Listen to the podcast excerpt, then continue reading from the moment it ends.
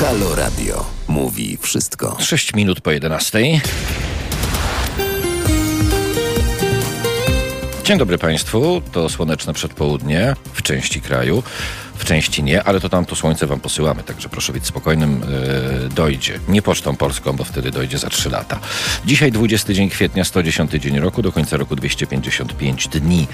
Pozostało imieniny obchodzą Agnieszka Berenika, Czesław Jagna, Nawój, Marcelin, Marcjan, Sekundyn, Sewarian, Teodor i Zotyk. Wszystkiego dobrego od całej naszej załogi. W Brazylii Dzień Dyplomacji. O, w Polsce takiego dnia nie będzie, bo dyplomacja nie istnieje od czasu, kiedy rządzi reżim. E, międzynarodowe święta. Dzień Wolnej Prasy, inicjatywa Stowarzyszenia Reporterzy Bez Granic, a także Dzień Języka Chińskiego w ONZ w ramach Dni Języków. Zerknijmy do kalendarza. E, rok 1957, premiera filmu wojennego Kanał w reżyserii Andrzeja Wajdy, a w 71 premiera polsko-radzieckiego filmu wojennego Legenda w reżyserii Sylwestra Chęcińskiego. W 2004 Jan Guz został przewodniczącym Ogólnopolskiego Porozumienia Związków Zawodowych. No i to tyle.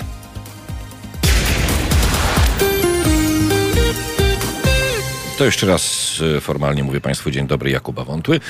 Będę z Wami do 12.45. Program jest wtorkowy. Zaczniemy od dobrej informacji. Znaczy dla niektórych dobrej, pewnie dla całej reszty w ogóle fantastycznej.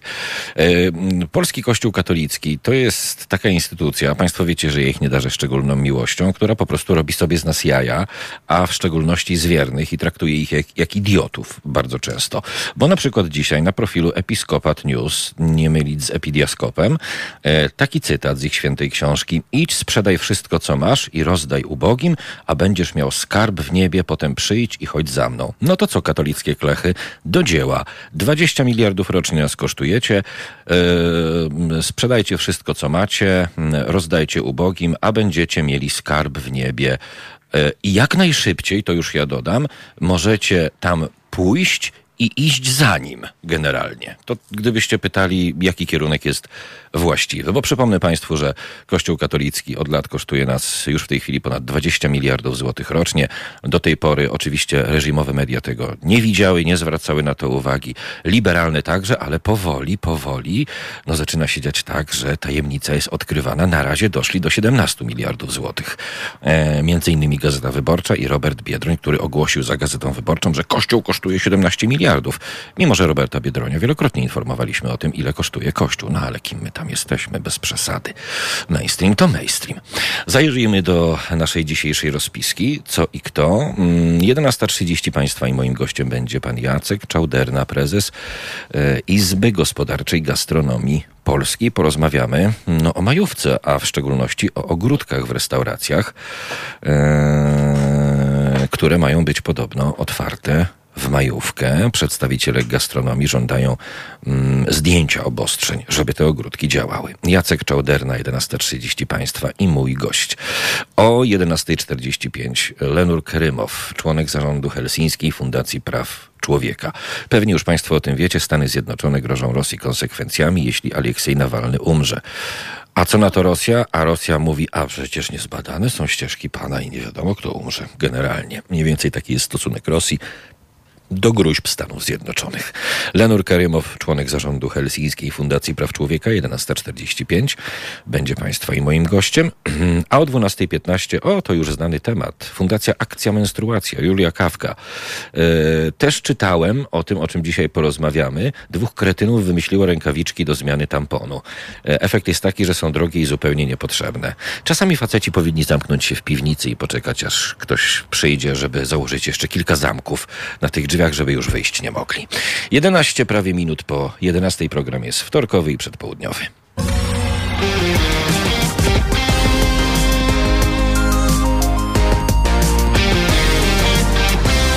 19 minut po godzinie 11. Teraz małpahalo.radio, smsy o treści halo. Potem Państwo piszecie to, co chcecie i wysyłacie pod numer 7148, koszt złotówka i 23 grosze z VAT-em. Y, spójrzmy na naszą scenę polityczną, albowiem reżim stara się nakłonić polityków opozycji, by głosowali za kandydaturą Bartłomieja Wróblewskiego lub wstrzymali się od głosu mm, przeciw. Y, jednym z tych, którego y, namawia się, żeby dołączył do Wróblewskiego, jak już zostanie tym rzecznikiem praw obywatelskich, jest e, senator koalicji Wojciech Ziemniak. Miałem wysłanników telefonicznie i bezpośrednio, twierdzi, dodając, że było to w okresie wielkanocnym. Senator odmówił. Podobna sytuacja spotkała profesor Alicję Chybicką, senator koalicji obywatelskiej z Wrocławia. Na wice rzeczników e, szukają Jeleni w tej chwili. Byłam namawiana, aby zagłosować za, wstrzymać się albo nie wziąć udziału, ale więcej szczegółów nie podam. Zagłosuję przeciw. E, tak stwierdziła pani profesor Chybicka w rozmowie z Rzeczpospolitą. A z kolei senator Polskiego Stronnictwa Ludowego Jan Filip Libicki, który jako jedyny z opozycji zadeklarował możliwość zagłosowania za kandydaturą Wróblewskiego, no ale to w końcu PSL, e, miał otrzymać od PiS propozycje polityczne w zamian za okazanie poparcia. Oczywiście je odrzuciłem, mówi Libicki. Jeśli będę głosował na pana Wróblewskiego, to z powodów ideowych, a nie dlatego, że ktoś mi coś zaproponuje, miał przekazać Rzeczpospolitej również. No i była też taka opcja, wieść gminna niesie, mm, że Wróblewski zaproponował stanowisko e, zastępcy e, rzecznika mm, niedawnemu kandydatowi lewicy na stanowisko rzecznika praw obywatelskich Piotrowi Ikonowiczowi. I tak historia mi się przypomina, bo były takie czasy, e, kiedy naziści, będąc w Zakopcu i okolicach, proponowali góralom utworzenie Waffen SS, takiego mm, w ramach Góralen Folk. No i finalnie to się też, to się też nie udało. Mam nadzieję, że w tej sytuacji to się też nie uda, aczkolwiek e, po towarzystwie z ulicy Wiejskiej, bez względu na to skąd są, można spodziewać się wszystkiego. E, zwracajcie Państwo uwagę na to, czy ktoś z opozycji nie będzie miał sraczki w czasie głosowania, e, bo mając ją, może co zrobić? Zatrzasnąć się w toalecie właśnie i wtedy będzie, ale się zatrzasnąłem w toalecie i nie mogłem w ogóle zagłosować. W takiej sytuacji należałoby postawić w toaletach Straż Marszałkowską, y, która by pilnowała nie tego, żeby opozycja nie mogła zatrzasnąć się w toalecie, tylko tego, y, żeby mm, spuścić wodę razem z tą opozycją w toalecie w takiej właśnie sytuacji. Czy spodziewam się tego ja osobiście? Trochę tak, biorąc pod uwagę doświadczenia y, z opozycją. No dobrze, zostawmy ten temat, bo on pewnie jeszcze będzie wracać wielo, wielokrotnie albo powielokroć. 22 minuty po godzinie 11. E, to tylko przypomnę Państwu, że 11.30 już niebawem Jacek Czauderna Państwa i moim gościem będzie prezes Izby Gospodarczej Gastronomii Polskiej, a będzie o ogródkach w restauracjach otwartych w majówkę ze znakiem zapytania. Przedstawiciele gastronomii żądają zdjęcia obostrzeń, żeby te ogródki w restauracjach mogły działać. Jacek Czauderna już za niespełna 8 minut Państwa i moim gościem będzie. Halo Radio. Mówi wszystko. Pół minuty po wpół do dwunastej. Program jest wtorkowy i przedpołudniowy. E, I zgodnie z zapowiedzią, proszę Państwa, będzie o otwarciu ogródków w restauracjach na majówkę między innymi. To jest pytanie, które pozostaje otwarte e, o to, czy te ogródki w restauracjach będą otwarte w majówkę, albowiem przedstawiciele Izby Gospodarczej Gastronomii Polskiej sprzeciwiają się decyzjom rządu o przedłużeniu lockdownu. Ich zdaniem otwarcie ogródków na świeżym powietrzu będzie w zupełności bezpieczne. Na ostatniej konferencji prasowej minister zdrowia Adam Niedzielski poinformował yy, o tym, yy, że lockdown cały czas trwa, cały czas jest przedłużony do 25 kwietnia. E, do tego czasu nadal obowiązują w Polsce surowe restrykcje, w tym zamknięcie lokali gastronomicznych, które mogą wydawać posiłki jedynie na wynos. Tymczasem branża gastronomiczna domaga się otwarcia ogródków restauracyjnych. Pan Jacek Czauderna jest z nami, prezes Izby Gospodarczej Gastronomii Polskiej. Dzień dobry, panie Jacku. Dzień dobry Państwu, dzień dobry Panie Redaktorze. Panie Jacku, no y, co będzie z tym domaganiem się? Bo mówiąc szczerze, reżim pisowski jest odporny na y, Wasze wszelkiego rodzaju, mówiąc delikatnie, sugestie. No tak, no jesteśmy przerażeni i wściekli zarazem, dlatego że y, nie rozumie nie tylko ja, ale cała branża gastronomiczna, dlaczego pomimo bardzo licznych opracowań naukowych i ekspertów jeżeli chodzi o zarażenia na koronawirusa na świeżym powietrzu, to jest prawdopodobieństwo jeden na tysiąc przypadków, że możemy się zarazić właśnie na wolnym powietrzu.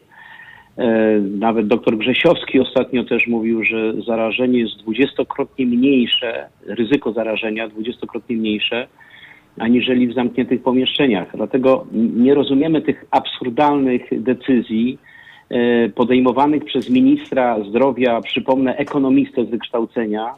E, no i też, proszę Państwa, panie redaktorze, jestem ostatnio informowany zaskakującymi że tak powiem, faktami, a mianowicie, że w Radzie Lekarskiej Ministra Zdrowia zasiadają nie epidemiolodzy, nie zasiadają pulmonolodzy, ale zasiadają, no niestety, niestety lekarze od spraw zakażeń, którzy chyba nie do końca mają pojęcie, jak radzić sobie z wirusami, a niewątpliwie COVID-19 to jest wirus.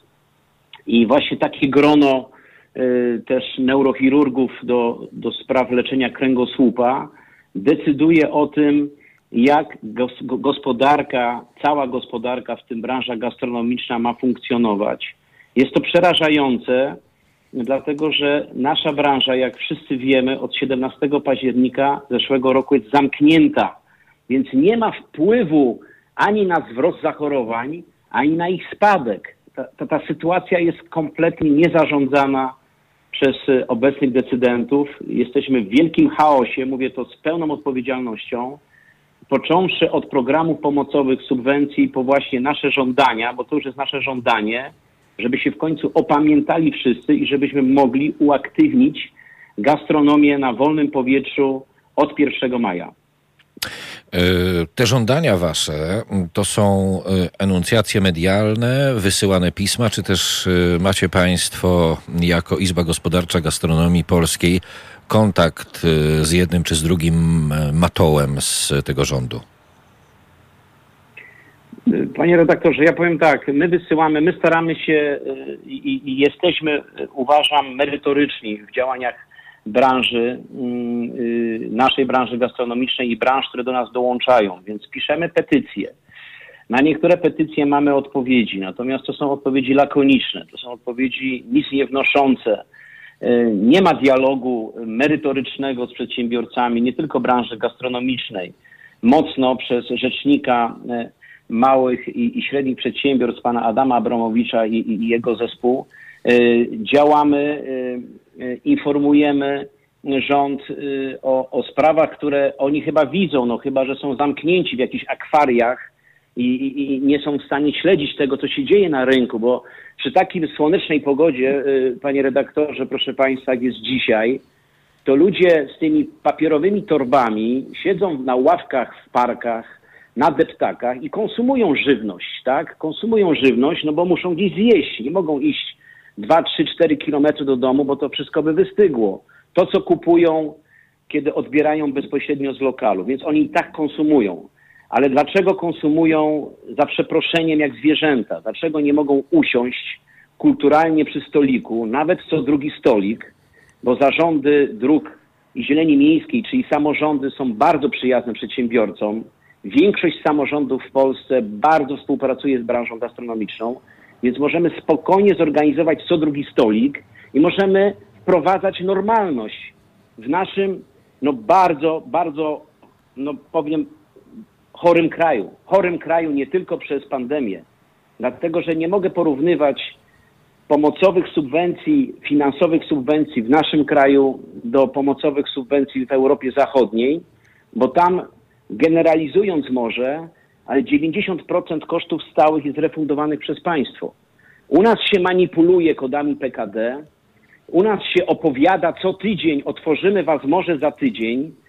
Traktuje się nas, nas przedsiębiorców, mikro i małe firmy, które w swojej liczbie stanowią 95% przedsiębiorstw, traktuje się nas jak jakąś swołocz.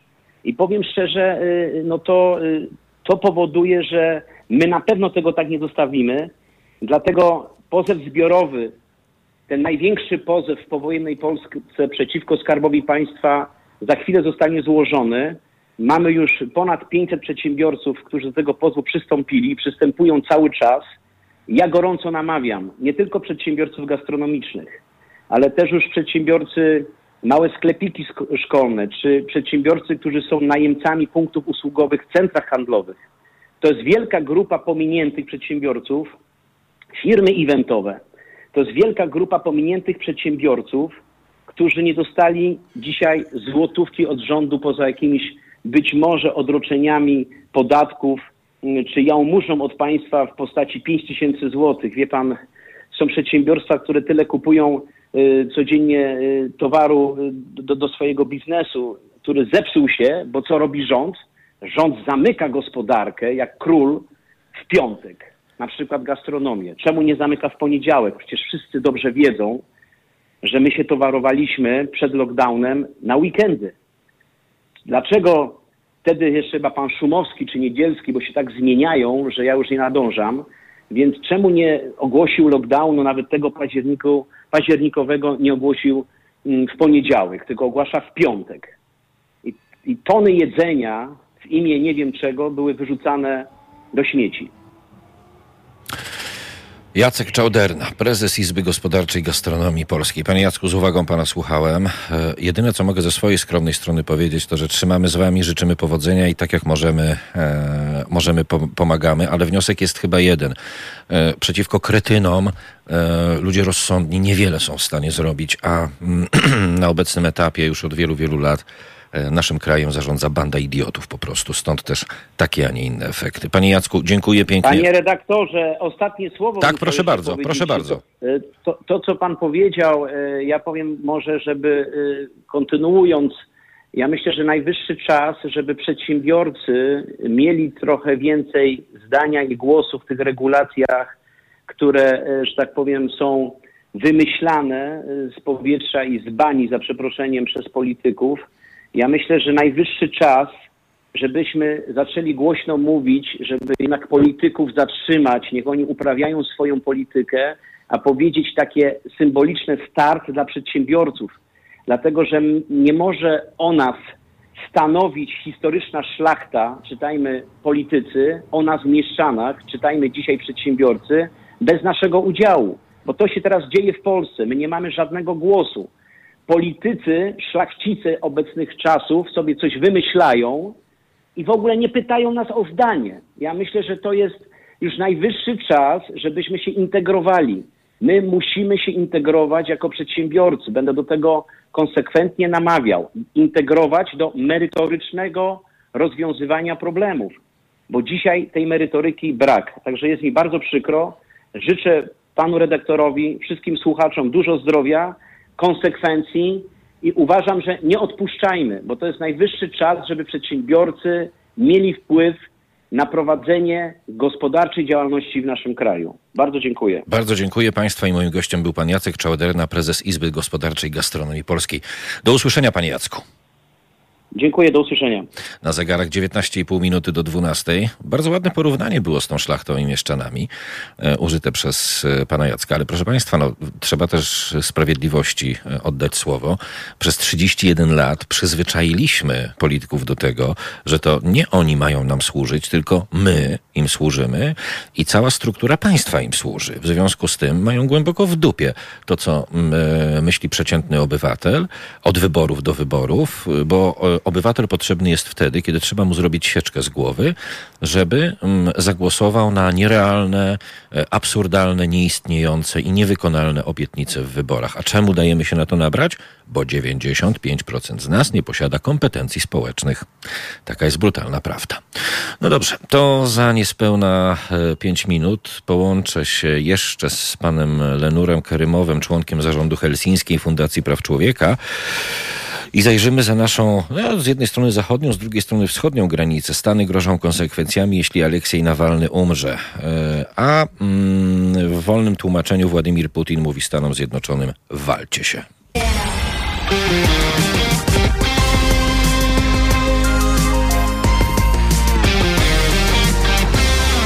14 minut do godziny 12. Biały Dom ostrzegł w niedzielę, że będą konsekwencje, jeśli więziony rosyjski opozycjonista Aleksiej Nawalny, którego stan zdrowia pogarsza się, umrze. Władze nie pozwalają, aby zbadał go lekarz spoza kolonii karnej, gdzie Nawalny przebywa. Państwa i moim gościem jest pan Lenur Kerymow, członek zarządu Helsińskiej Fundacji Praw Człowieka. Dzień dobry panu. Dzień dobry.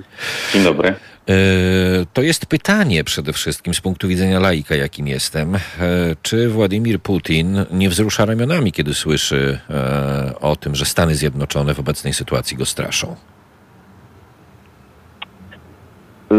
No to jest dobre pytanie, ponieważ chyba nikt nie wie, co myśli i co zamierza zrobić Władimir Putin, no, który jest oczywiście jak powiem, e, uosobieniem e, tej grupy e, ludzi powiązanych między sobą, która trzyma władzę w Rosji już przez wiele, wiele, wiele lat.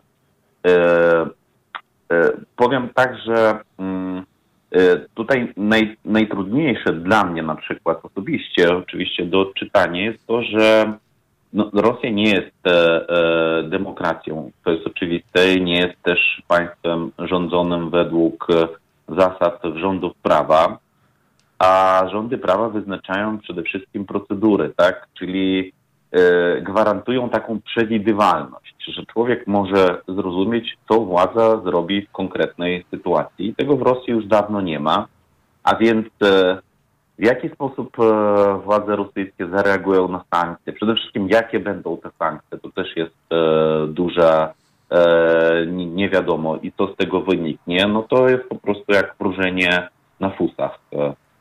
A gdyby miały być te sankcje, to co pan obstawia? Jakie to byłyby sankcje?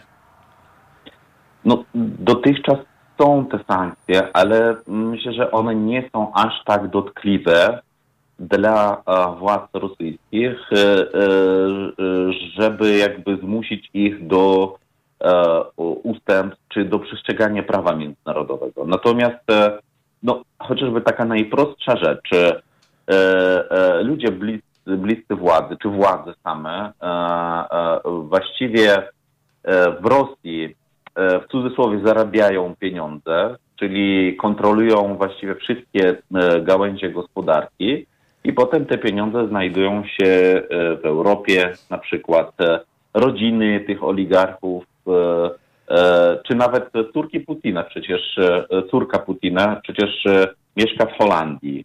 Ich rodziny mieszkają w Europie, korzystają tutaj z dobrodziejstw Europy Zachodniej, czyli dobrej infrastruktury, edukacji. Natomiast naród rosyjski no, jest w sytuacji rozpaczliwej, więc myślę, że póki y, te sankcje też nie uderzą konkretnie w tych ludzi, y, którzy właśnie mają władzę w Rosji, ich aktywa, to myślę, że one nie będą skuteczne. Wydaje mi się też, że no państwa zachodnie muszą wiedzieć, czy Stany Zjednoczone te miejsca, powiedzmy, najbardziej dotkliwe e, e, e, dla władz rosyjskich. I mam wrażenie, że wszystkie dotychczasowe sankcje to były raczej takie no, gesty, tak? To jest przestrzegamy Rosję, żeby nie robiła tam kolejnych jakichś wrogich działań. A przestrzegamy Rosja, jeszcze A Rosja ma to, tak, a Rosja ma to Dokładnie. głęboko w poważaniu i yy, Dokładnie. porozmawiamy chwilkę o tym negatywnym, smutnym scenariuszu. Nawalny umiera i powiem panu, jak ja to widzę, no ale pan tu jest fachowcem, więc będę wdzięczny za odniesienie się do tego. Yy, Europa wali pięściami w stół, krzyczy, wygraża, że to skandal, że to łamanie praw człowieka. Stany Zjednoczone mówią, nie, no to już koniec, to wprowadzamy sankcje, po czym mija miesiąc i wszystko wraca do stanu sprzed śmierci Nawalnego. No, myślę, że e, niestety no, na to wygląda, e, prawda? E, tutaj też z jednej strony też rozumiem, no, jest Rosja, prawda, wielki kraj, potęga jądrowa, mają wielkie zasoby naturalne, więc pewnie odcięcie się od Rosji też będzie bolesne i dla Europy, e, przede wszystkim dla Europy, bo ze względu na bliskość geograficzną, A więc no, politycy biorą to pod uwagę, bo, bo to też może uderzyć jakby, sankcje zawsze to są jakby taka pałka o dwóch końcach, prawda? Natomiast, natomiast prawdą też jest, że E, obecna władza rosyjska to są po prostu bandyci. E, no Putin sam się wywodzi z kręgów e, mafijnych i tak naprawdę oni rozumieją tylko język siły. A więc takie ostrzeganie Rosji niczego, niczego po prostu nie daje i Rosja moim zdaniem już jest zagrożeniem nie tylko tam dla Ukrainy, tak, bo wiemy teraz, że gromadzą żołnierzy, ale jest zagrożeniem też no, w skali globalnej.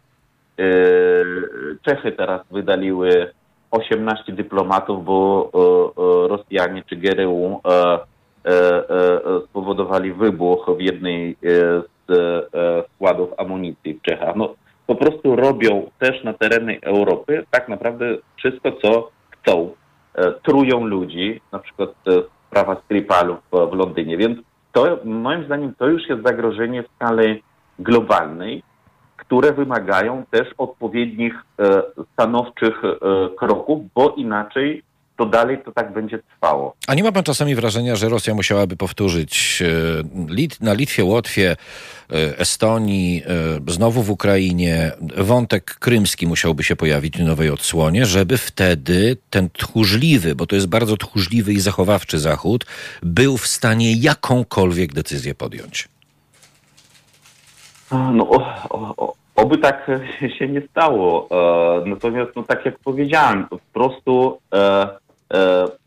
Rosja jest nieprzewidywalna i to jest największy, największy problem i tak naprawdę rzeczywiście te wszystkie działania Rosji w ostatnich latach po 2014 roku no, stawiają dużo pytań też w stosunku do NATO. To jest wielkie wyzwanie, czy e, NATO wciąż jest organizacją skuteczną, czy artykuł 5 na przykład w razie potrzeby zostanie zastosowany, jak będzie reakcja sojuszników. To są pytania, na które e, e, jeszcze nie było e, takiej sytuacji, że Rosja powiedziała sprawdza, tak, i, i zobaczymy dalej, ale nie można tego wykluczyć. Nie można, tak, bo tak jak powiedziałem, że tutaj jakby sytuacja bardziej jest złożona, bo o, po o, aneksji Krymu ten jakby hura optymizm, który zapanował w społeczeństwie rosyjskim, on już wygasł. W, tej, w tym roku są wybory do Dumy Państwowej. W 2024 są wybory kolejne prezydenckie.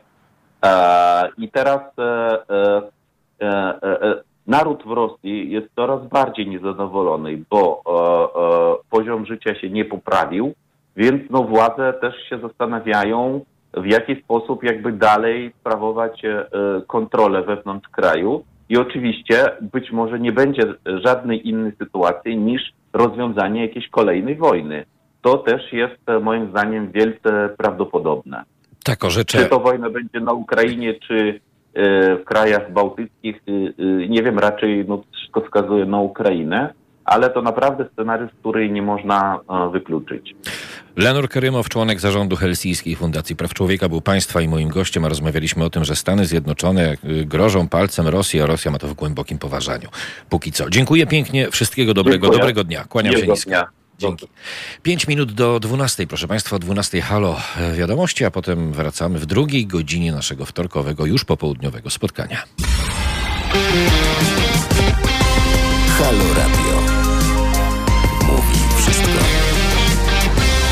6 minut po 12. To dzień dobry, mówię Państwu w drugiej godzinie naszego wtorkowego spotkania. Tym razem to już jest godzina popołudniowa. Kuba Wątły, bardzo mi miło, że będziemy do 12.45 razem dziś. A dziś to 20 dzień kwietnia, 110 dzień roku. Do końca roku pozostało 255 dni. Imieniny obchodzą Agnieszka, Czesław, Jagna, Marcelin, yy, na zdrowie sobie muszę powiedzieć. Nie, to nie koronawirus. Teodor Teotym, e, Wiktor Izotyk. Mm, w Brazylii Dzień Dyplomacji, a jeśli chodzi o międzynarodowe święta, to dzisiaj Dzień Wolnej Prasy, mm, inicjatywa Stowarzyszenia Reporterzy Bez Granic i Dzień Języka Chińskiego w ONZ w ramach Dni Języków. Rzućmy okiem do e, kalendarza. Rok 1919 do kraju przybył pierwszy pociąg z żołnierzami Armii Halera. Uroczyste powitanie armii na dworcu kolejowym w Ostrowie Wielkopolskim odbyło się właśnie tego dnia, czyli 20 kwietnia 1919 roku. W roku 1940 powstał Związek Odwetu, organizacja sabotażowo-dywersyjna Związku Walki Zbrojnej. Mm w roku 1947 powołano grupę operacyjną Wisła. To był Związek Operacyjny Ludowego Wojska Polskiego pod dowództwem generała Stefana Mossora, przeznaczony do walki z ukraińskimi bandami w rejonie Sanok, Przemyśl, Lubaczów i do przeprowadzenia wraz z Państwowym Urzędem Repatriacyjnym akcji Wisła. I rok 2004. Jan Gus zostaje wtedy przewodniczącym ogólnopolskiego porozumienia związków zawodowych. Teraz małpahalo.radio i Państwa smsy e, o treści halo. Potem już piszecie co chcecie i wysyłacie pod numer 7148. Koszt złotówka i 23% z VAT-em. Opowiem Państwu krótką, ale zabawną w sumie e, historię. Z jednej strony, z drugiej strony nie, ale do rzeczy. E, otóż uprawomocniło się postanowienie prokuratury o umorzeniu śledztwa w sprawie nieprawidłowości w Muzeum Henryka Sienkiewicza w Woli Okrzejskiej. Co więcej, decyzję mm, tę podtrzymał również sąd. Tym samym oficjalnie zakończyły się trwające od ponad ubiegłego roku czynności związane z rzekomym zniknięciem części eksponatów oraz wyposażenia placówki. Za nasze pieniądze takie postępowanie się dzieje. E, wszystko zaczęło się na początku 2020 roku, kiedy to Zarząd Powiatu Łukowskiego odwołał wieloletniego dyrektora muzeum. Na jego miejsce powołana została niejaka Beata Skwarek. Wśród mieszkańców zawrzało. Wskazywano na kolejny przykład obsadzania przez PiS swoimi ludźmi stanowisk w różnych instytucjach, zwłaszcza, że nowa dyrektor trafiła do placówki zaraz po wygranych przez partię wyborach w powiecie. Początkowo pełniła funkcję zastępcy dyrektora. Do Woli Okrzejskiej trafiła ze spółdzielni socjalnej Promyk Nadziei w Krzywdzie. Startowała też w wyborach na wójta z ramienia PiS. No i za poprzednim dyrektorem e, muzeum, Maciejem Cybulskim, stanęła cała lokalna społeczność. Niczemu to nie pomogło. Mm, finalnie e, osoba bez kompetencji została dyrektorem muzeum po świetnym poprzednim dyrektorze. No i cóż się okazało, kiedy po ponad roku zakończyły się czynności związane z rzekomym zaginięciem eksponatów z Muzeum Henryka Sienkiewicza w Woli Okrzejskiej, bo to nowa pani dyrektor zauważyła, że ich nie ma, to się okazało, po tym jak już zakończono całe to śledztwo, że rzeczy wskazane przez nową dyrektor jako utracone cały czas znajdowały się w placówce i w gablotach. 10 minut po 12, a już za 5 minut Państwa i moją gościnią będzie Julia Kawka, Fundacja Akcja Menstruacja. Będzie o dwóch kretynach, którzy wymyślili rękawiczki do zmiany tamponu. Są drogie i zupełnie niepotrzebne. Te rękawiczki zupełnie jak idioci, którzy je wymyślili. Halo Radio mówi wszystko. Kwadrans po godzinie 12. E, nie jestem facetem, ale e, tak e, donoszą kobiety, które wiedzą o co chodzi i dziewczęta. Zmiana tamponu czy podpaski to żadna filozofia.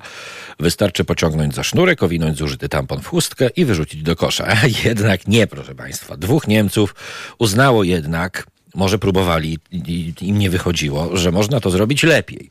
Wymyślili coś, co się nazywa pinky gloves, rękawiczki, dzięki którym podczas zmiany tamponu kobiety nie brudziłyby sobie rąk. No i choć brzmi to z mojego punktu widzenia przynajmniej trochę absurdalnie, mm, to ta historia naprawdę się wydarzyła. Ale może ja się mylę. Może to nie jest absurd. E, Julia Kawka jest z nami. Cześć Julio. Cześć. Fundacja Akcja Menstruacja. Czy już zamawiacie kartony rękawiczek? E, no, myślę, że tych kartonów już nawet by się nie dało zamówić, ponieważ produkt został wycofany z rynku. Wczoraj właśnie um, ci, co wymyślili ten, e, ten produkt, stwierdzili, że jednak muszą coś z tym zrobić, bo e, odzew właśnie był na tyle negatywny, że, że jednak właśnie produkt ten został wycofany. A co sobie pomyślałaś, jak pierwszy raz usłyszałaś o takim wynalazku? E, wiesz co, wydaje mi się, że to, co na początku mnie uderzyło, to absurdalność po prostu tego pomysłu, a także jakby nieco bez sens w porównaniu e, do, do też do ceny i do tego, że no jednak e, aktualnie troszczymy się o środowisko, starają się żyć w taki bardziej zielony sposób, e, a te rękawiczki oczywiście są plastikowe, są jednorazowe, więc jakby trochę, trochę się cofnęliśmy, a nie poszliśmy do przodu. No ale chcieli pomóc przecież, no. E, jakby aktualnie sytuacja wygląda tak, że właśnie po tej fali hejtu, która wpłynęła na Pinky Gloves, czyli e, ten startup, mm, też właściciele firmy stwierdzili, że jakby e, hejt nieco przerósł z konstruktywnej krytyki właśnie w coś nieco niebezpiecznego, bo, bo oni na swoich profilach właśnie wygłosili taki statement, przeprosili, wyrazili skruchę i powiedzieli, że jakby nie mieli na celu właśnie dalej tabuizowania tematu menstruacji, tylko po prostu, no jak widać, mm, chyba nie przeprowadzili badania rynkowego przed wypuszczeniem produktu, co, co myślę było błędem, bo potem się okazało, że jednak no temu rynkowi się to nie spodobało. Natomiast faktycznie też ten hejt trochę poszedł w złą stronę, mi się wydaje, i jednak groźby takie odnośnie e, i rodziny, i też bliskich osób właśnie e, autorów pomysłu, no troszkę, troszkę poszły, tak jak powiedziałam, właśnie w tym kierunku. Mm, dobrze, że to zauważyłaś, bo my, czy też ja od lat obserwuję, e, jeśli możemy zejść na boczne tory, ale bardzo ważne, ponieważ sama o tym wspomniałaś, obserwuję takie oto zjawisko, e, że nie ma żadnej różnicy pomiędzy szeroko pojmowaną prawicą nacjonalistyczną, faszystowską, a szeroko pojmowaną lewicą, bo jak coś się jednej albo drugiej stronie nie podoba, nie podoba, to my tutaj, czy ja na bieżąco czytamy, że nasze matki mają zdychać. E, no i właśnie e, panowie, którzy wpadli na ten pomysł, też prosili o jakby zostawienie rodzin i, i, przyjaciół i po prostu faktycznie krytykowanie samego pomysłu, a niekoniecznie wychodzenie poza, poza skalę. Pamiętajmy o tym, że jeśli chcemy być lepsi od tych, których nie poważamy i nie lubimy, czyli od na przykład reżimu, który e, funkcjonuje na podbudowie nacjonalistyczno-faszystowskiej w Polsce, e, to powinniśmy być lepsi, a nie tacy sami albo jeszcze gorsi, a czasami niestety tacy sami albo jeszcze gorsi jesteśmy. Dobrze, ten wątek zostawiamy. Mm, Fundacja Akcja Menstruacja. Julka, to przy okazji powiedz, co tam u was? E, no, u nas ostatnio, wydaje mi się, dzieje się całkiem sporo, bo e, wczoraj uruchomiłyśmy premierę poradnika. E, poradnika dla nauczycieli i dyrekcji, ale też poradnika dla uczniów, bo w związku z tym, że we wrześniu, kiedy uruchomiliśmy program Hej Dziewczyny, który właśnie miał dziać się w szkołach, a szkoły, jak wiemy, zostały zamknięte, stwierdziłyśmy, że no jakoś do tych uczniów musimy dotrzeć w inny sposób. No i właśnie w tym poradniku, który jest dostępny i w wersji papierowej i e-bookowej, zawarłyśmy informacje po prostu na temat tego, mm, jak dobrze dystrybuować środki menstruacyjne w szkołach, ale też na temat ubóstwa menstruacyjnego i nie tylko. E, no i pomógł nam w tym nasz partner medialny Hello Zdrowie, także mamy nadzieję, że fajnie się to rozwinie, bo tak jak wspomniałam, właśnie dopiero wczoraj ruszyliśmy e, tematem. No to fajnie, fajnie to słyszeć. E, Fundacja Akcja Menstruacja. Powiedz jeszcze tym, którzy nie wiedzą, gdzie was można znaleźć. E, od wczoraj można nas znaleźć na naszej stronie internetowej, która właśnie została uruchomiona e, razem z poradnikiem, ale także na social mediach, czyli Facebooku czy, czy Instagramie, po prostu właśnie pod nazwą Akcja Menstruacja. Julia Kawka, Fundacja Akcja Menstruacja. Prężnie działacie dziewczyny i bardzo dobrze. Dopingujemy jak zwykle. Dzięki i do usłyszenia. Dziękujemy bardzo. Pozdrawiam. Cześć. 20 minut po 12. Już na zegarach program jest popołudniowy, proszę Państwa. To teraz zagramy, e, a potem wrócimy na chwilę do 78. rocznicy e, powstania w getcie warszawskim. Ona mm, zadziała się wczoraj, ale konsekwencje dnia wczorajszego możemy oglądać między innymi dziś. To za chwilę. A na zegarach 25,5 minuty po godzinie 12.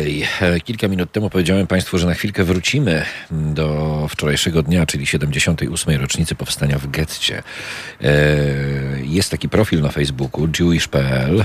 Polecam Państwu, jeśli chcecie zgłębiać w ogóle tematykę żydowską. A ja sam będąc Żydem, po prostu uwielbiam e, ten profil. Bardzo często posługuję się cytatami z niego. I takim cytatem właśnie teraz chciałem się posłużyć, e, bo Jewish napisał, napisał tak, to byli nasi, to było powstanie naszych, Ktoś powie nasi Żydzi, ale to byli nasi.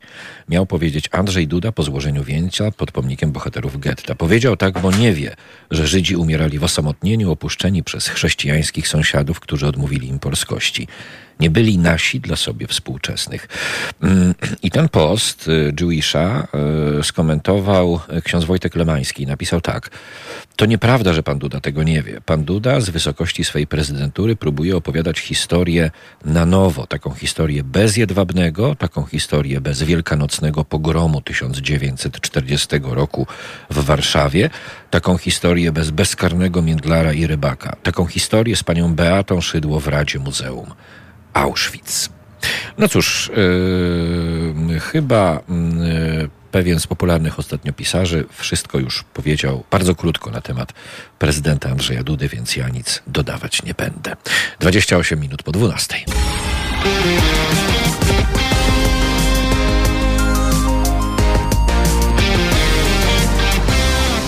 19 minut do godziny pierwszej. To ja już się z Państwem będę powoli żegnać, życząc słonecznego dnia. Tam, gdzie tego słońca nie ma, to będziemy je oczywiście wirtualnie posyłać. Słyszymy się jutro o godzinie 11. To będzie środowe przedpołudnie. A dzisiaj e, o 13, jak zwykle co tydzień, program autorski Centrum Praw Kobiet. Zachęcam Państwa bardzo serdecznie do pozostania e, z nami, bo to tematyka bardzo ważna i stale obecna na antenie Halo Radia. To jeszcze wypada tylko mi przypomnieć, że skoro dziś wtorek, no to mamy taką sytuację, że również zapraszamy na felietony, felietonistek i felietonistów. Codziennie inny zestaw, można tak powiedzieć. O 12.50 felieton Jacka Dibuła, adwokata e, i członka Trybunału Stanu, o 14.50 felieton profesora Marcina Matczaka, a o 16.50 felieton profesora Ewy Pietrzyk-Zieniewicz, politolożki. O 9.50 dzisiaj mogliście Państwo wysłuchać felietonu profesora Tadeusza Bartosia, ale nie martwcie się, te wszystkie felietony powtarzamy dla Was dziś porą popołudniowo-wieczorową od 18.50. Tak więc Bartoś Dibuła, Matczak, Zieniewicz obecni przez cały dzień i codziennie inne nazwiska. Kuba Wątły dziękuję pięknie. Program realizował Paweł. Karolina Słomczyńska go wyprodukowała, a już o 13 Centrum Praw Kobiet na antenie Halo Radia.